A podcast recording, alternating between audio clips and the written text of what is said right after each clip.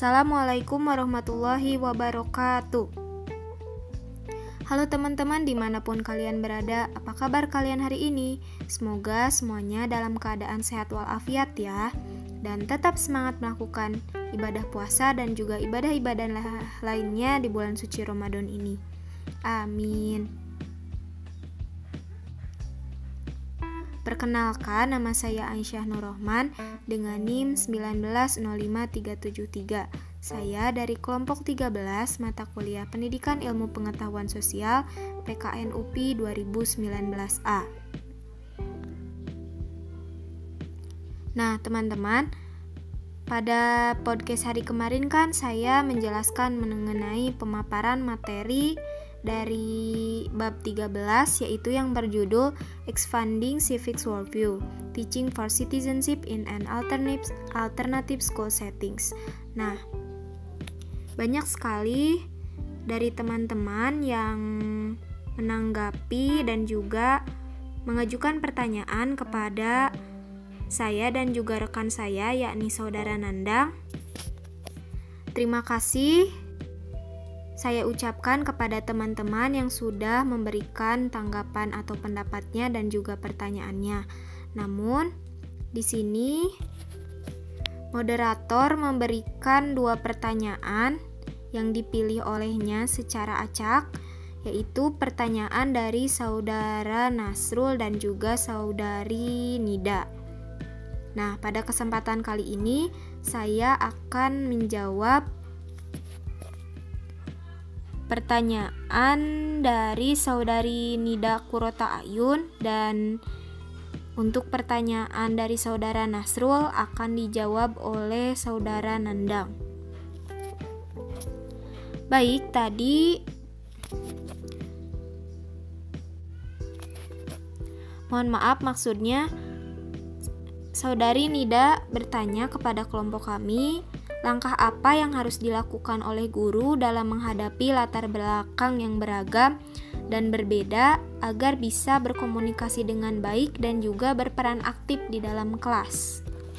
Nah, sebelumnya betul ya apa yang dikatakan oleh saudari Nida Kurota Ayun dari kelompok 19 bahwasannya tujuan kewarganegaraan multikultural itu atau pendidikan multikultural itu adalah meningkatkan kesadaran siswa dan juga membuat karakter siswa yang baik di kehidupan yang beragam.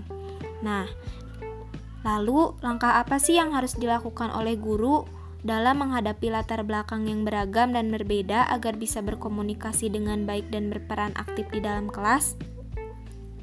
Di dalam bab 13 ini yang berjudul Expanding Civic Worldview Teaching for Citizenship in an Alternative School Setting, dijelaskan bahwasannya yang harus dilakukan oleh guru untuk menghadapi latar belakang siswa yang beragam dan juga berbeda agar bisa berkomunikasi dengan baik dan berperan aktif di dalam kelas bisa dilakukan dengan dua cara. Yang pertama adalah membuat proyek sipil kelas atau membuat proyek sipil global. Nah, proyek sipil global ini dilaksanakan atau dibangun untuk mengatasi berbagai masalah dan juga mendorong guru-guru untuk aktivisme sipil. Karena memang seperti yang kita ketahui gitu ya dengan proyek aksi sipil global ini siswa dapat mengenyampingkan semua perbedaannya karena mereka sama-sama memiliki tujuan yang sama, yaitu ingin memenangkan atau ingin mencari solusi atau ingin menghasilkan sebuah karya dari karya terbaik mereka dari proyek aksi sipil global ini. Yang kedua, dengan cara meningkatkan kualitas guru itu sendiri, karena semakin guru itu berkualitas, maka semakin guru itu bisa menyatukan perbedaan yang beragam dan menjadikan siswa aktif di dalam kelas. Nah, guru ini harus terus mengeksplor mengekspol maaf, mengeksplorasi berbagai metode dan juga pendekatan untuk mempersiapkan guru untuk mengajar di dalam kelas. Nah, terutama ini dalam pembelajaran PKN. Karena penting sekali untuk Pelajaran PKN ini bisa menanamkan perbedaan itu menjadi sebuah keindahan. Dan mereka bisa menyadari perbedaan yang ada di dalam konteks budaya dan juga global itu memiliki perbedaan yang sangat beragam.